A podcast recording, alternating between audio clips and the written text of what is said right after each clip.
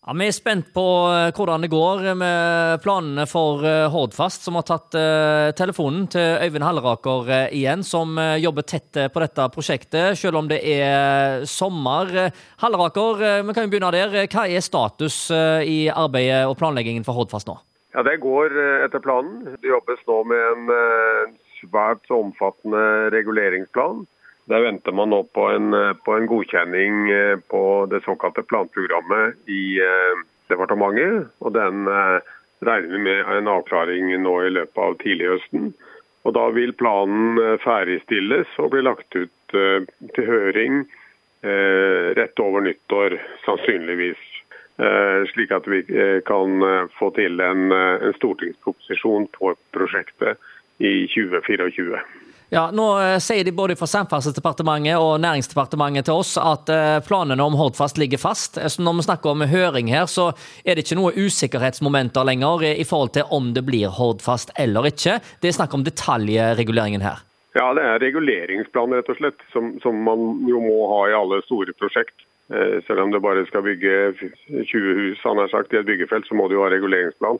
Og Her er det jo et, et stort og omfattende prosjekt med store broer og tunneler og mange kryss, og, og det berører jo mange og, og mye. Så, så, her må det bredt ut på høring. Men, men, eh, kommunedelplanen, som jo egentlig staket ut hvor veien skal gå og hvilke konsekvenser den ville få, de allerede, den er jo allerede vedtatt. Norges miljøvernforbund eh, det går eh, ut nok en gang og kaller Hordfast for det største og mest alvorlige naturinngrepet i moderne tid. Spissformulering? Ja da, vi er vant til de spissformuleringene der. Det må vi bare leve med. Slik er det med store prosjekt. De vil alltid ha sine motstandere.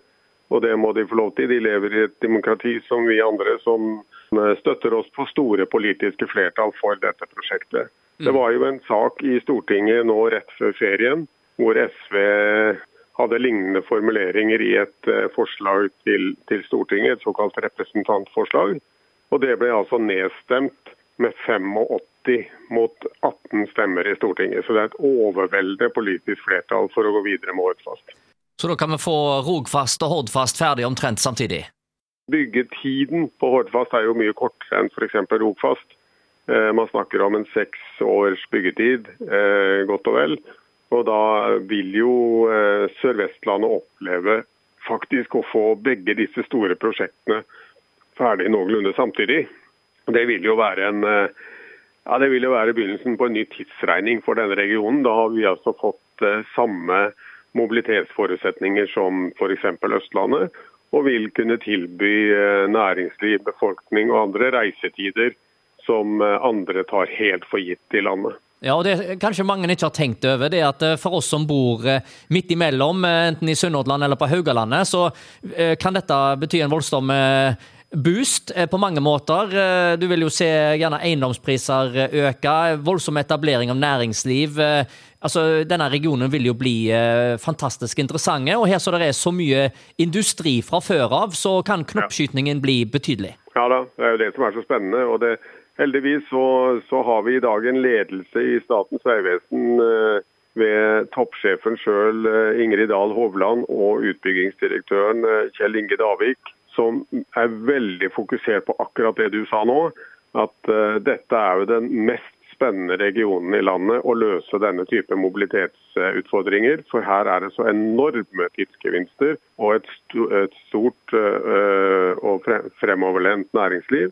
Som også står på, på omstillingsstreken. Altså man skal omstille seg framover til en grønnere økonomi og grønnere næringsliv. Og Da må vi også ha mobilitet eh, og konkurranseforutsetninger som, som andre. Og Det er det som er så viktig eh, ja. premiss for dette prosjektet. Og Det sier altså daglig leder i Hordfast, eh, Øyvind Halleraker.